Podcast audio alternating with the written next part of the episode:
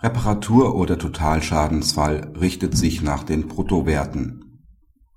Bei der Berechnung des vom Sachverständigen kalkulierten Kraftfahrzeugschadens richtet sich die Frage, ob ein Totalschaden oder ein Reparaturfall vorliegt, nach einer Gegenüberstellung der Bruttoreparaturkosten und des Bruttowiederbeschaffungswerts. Nach dem vom Kläger eingeholten Gutachten lagen folgende Schadensdaten vor: Reparaturkosten 3.572,40 Euro netto entspricht 4.251,16 Euro brutto, der Wiederbeschaffungswert inklusive Mehrwertsteuer 4.200 Euro. Der Kläger rechnete auf Basis der Nettoreparaturkosten ab. Die Beklagte regulierte auf Totalschadensbasis 4.200 Euro abzüglich des Restwerts in Höhe von 1.680 Euro das Landgericht wies die Klage ab und der BGH bestätigte dieses Urteil. Ausgangspunkt ist die gefestigte Rechtsprechung des BGH, dass in den Fällen, in denen der Schaden am Fahrzeug den Wiederbeschaffungswert übersteigt, im Rahmen der 130%-Grenze Reparaturkosten grundsätzlich nur dann zuerkannt werden können, wenn die Reparatur fachgerecht und in einem Umfang wie im Gutachten ausgewiesen durchgeführt wurde.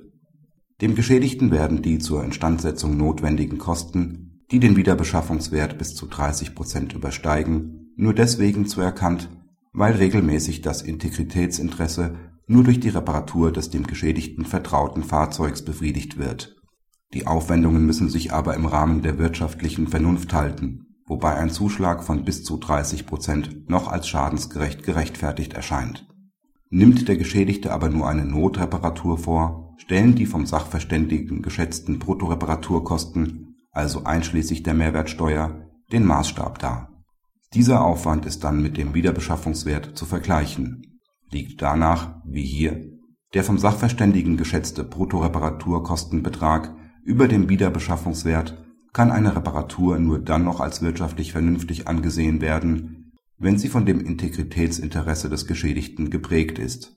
Hierzu muss sie fachgerecht und in dem vom Sachverständigen ermittelten Umfang durchgeführt werden dies war aber unstreitig nicht der Fall.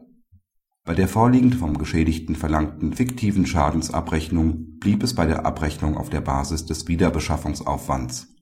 Der BGH macht auch deutlich, dass sich aus § 249 Absatz 2 Satz 2 BGB nichts anderes ergibt.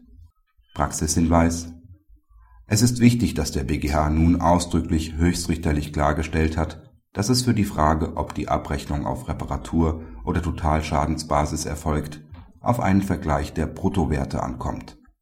Zwar hatte der BGH auch schon in der Vergangenheit immer die Bruttowerte miteinander verglichen, ohne dies aber ausdrücklich hervorzuheben. Deshalb kann sich die Regulierungspraxis nun auf eine BGH-Entscheidung berufen